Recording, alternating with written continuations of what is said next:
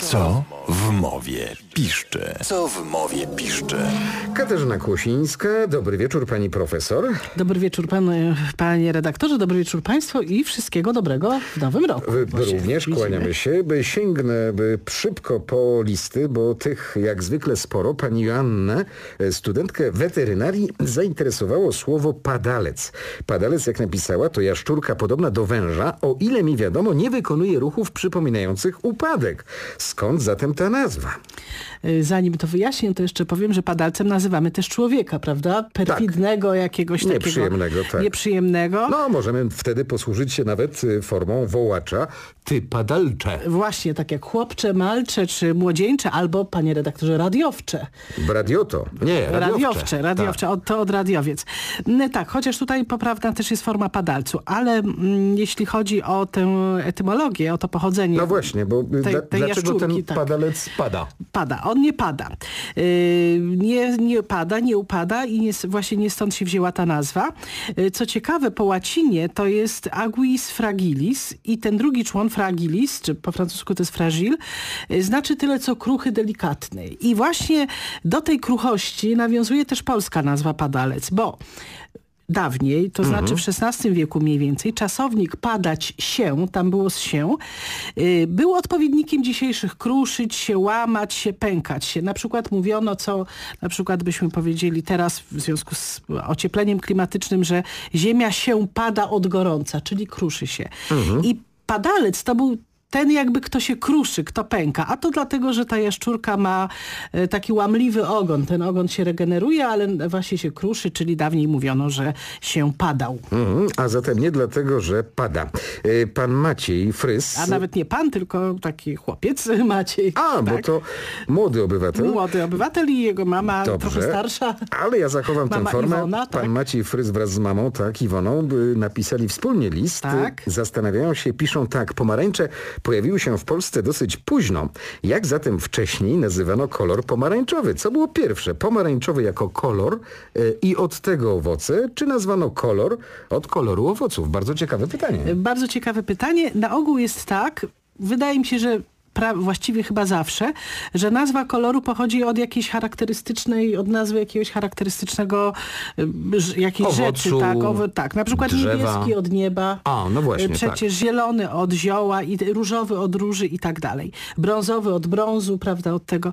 I tak też było z przymiotnikiem pomarańczowym. To, pomarańczowy, to znaczy on powstał od nazwy owocu. Ale tutaj mają rację pani Iwona i jej syn, że ten y, i owoc i, i później ta, ten, ten kolor pojawił się dosyć późno, bo owoc mniej więcej w XVI wieku, a przymiotnik jeszcze później, bo tak chyba koło XVII. I jest to, to jeszcze wyjaśnię, zapożyczenie włoskie, pomo d'arancio po włosku, czyli jakby dosłownie pomarańczowe jabłko. A co ciekawe, dotarłam do źródeł takich pierwotnych, Tych czyli jabłek to zresztą mieli sporo włości, bo jeszcze mieli na przykład pomodoro, tak, prawda? no i stąd jest pomidor, oczywiście. A, bo jabłko to w ogóle owoc. Y, Tak. Te, te, to też. Y, I to, co ciekawe, to, to słowo arancio włoskie, które dało tę w końcu pomarańczę, y, ma swoje źródło w sanskrycie, a wcześniej po, potem było w języku perskim i arabskim, w którym przodek tego słowa, czyli ten język, te, to słowo sanskryckie, oznaczało po prostu przysmak słoni. Czyli to pomarańcze to było coś, co lubią jeść słonie. No ale skoro ten pomarańczowy pojawił się w naszym języku dopiero w XVII wieku, no to jak wcześniej nazywano ten y, kolor? Y, I właśnie tutaj nie było takiego osobnego przymiotnika. Widocznie nie uznano, że warto w ogóle nazywać Zajmować coś. się pomarańczowym. Tak, bo nie było tej pomarańczy. Mówiono po prostu czerwono-żółty, ciemno-żółty, złoto-żółty. W zależności... Opisowo, tak, Opisowo, tak.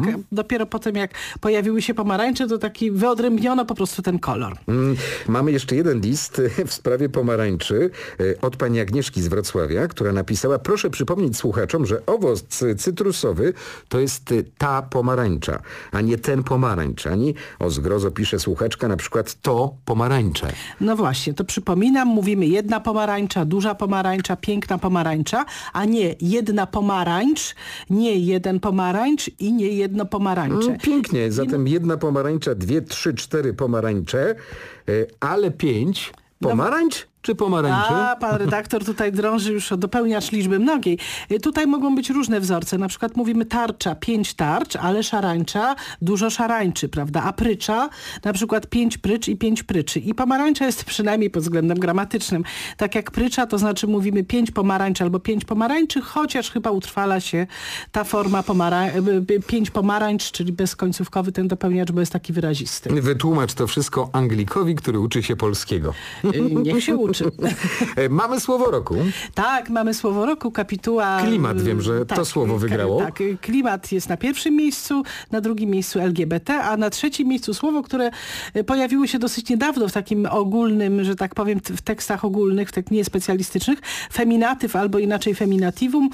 To jest to, co potocznie się nazywa um, żeńskimi Końcówka żeńska. Tak, ale nie mówmy końcówka żeńska, to tylko feminatyw. Brzmi ryzykownie, także ja Tak. też jestem za tym, choć e, jak przepraszam jeszcze raz? Fe... Feminatyw, panie redaktorze, Dobrze. ma pan możliwość się nauczyć. Ja tylko wyjaśnię, że Może zapamiętam. y, te słowa roku są wybierane spośród słów, które notują jakby taki najwyższy skok, y, jeśli chodzi o częstość użycia. Czyli inaczej mówiąc, na przykład w zeszłym roku ich ileś tam używano w, w mediach, w tekstach, a potem w tym roku nagle tak po, podskoczyły, które y, znaczą, w znaczący sposób zmieniły swoją frekwencję. I W dlatego- pewnym momencie, pani profesor, pewnie pani to zauważyła, powstała nam taka nowa świecka tradycja. Tradycja. Gramy p- po naszych rozmowach, znaczy my gramy. Gdybym coś umiał, to bym państwu zagrał, ale Proszę bardzo, czekam na to jako prezentujemy piosenki po francusku. O, bardzo proszę. I tym razem piosenka również z topu trójkowego wszechczasów, y, Edith Piaf. Dziękuję